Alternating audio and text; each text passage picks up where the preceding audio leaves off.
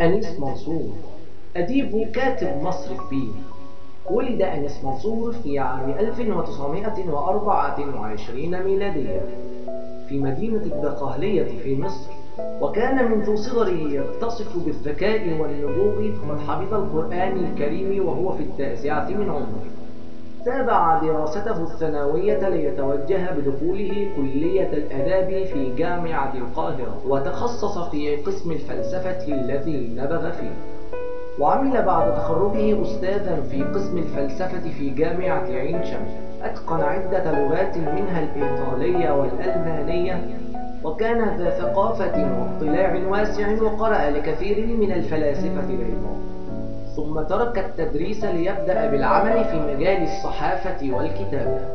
عمل في مؤسسة أخبار اليوم وتنقل بعدها في الكثير من المؤسسات والصحف الأخرى مثل آخر ساعة الأهرام الشرق الأوسط موزة اليوسف وغيرها.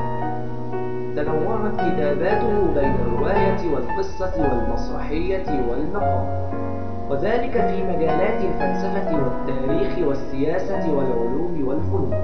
وكانت له نظرة خاصة تميز بها تجاه المرأة. وقد كانت كتاباته عن ما وراء الطبيعة هي الكتب المنتشرة بين المثقفين في ذلك الوقت. عاصر الرئيس جمال عبد الناصر وكان صديقا للرئيس أنور السادات. توفي في عام 2011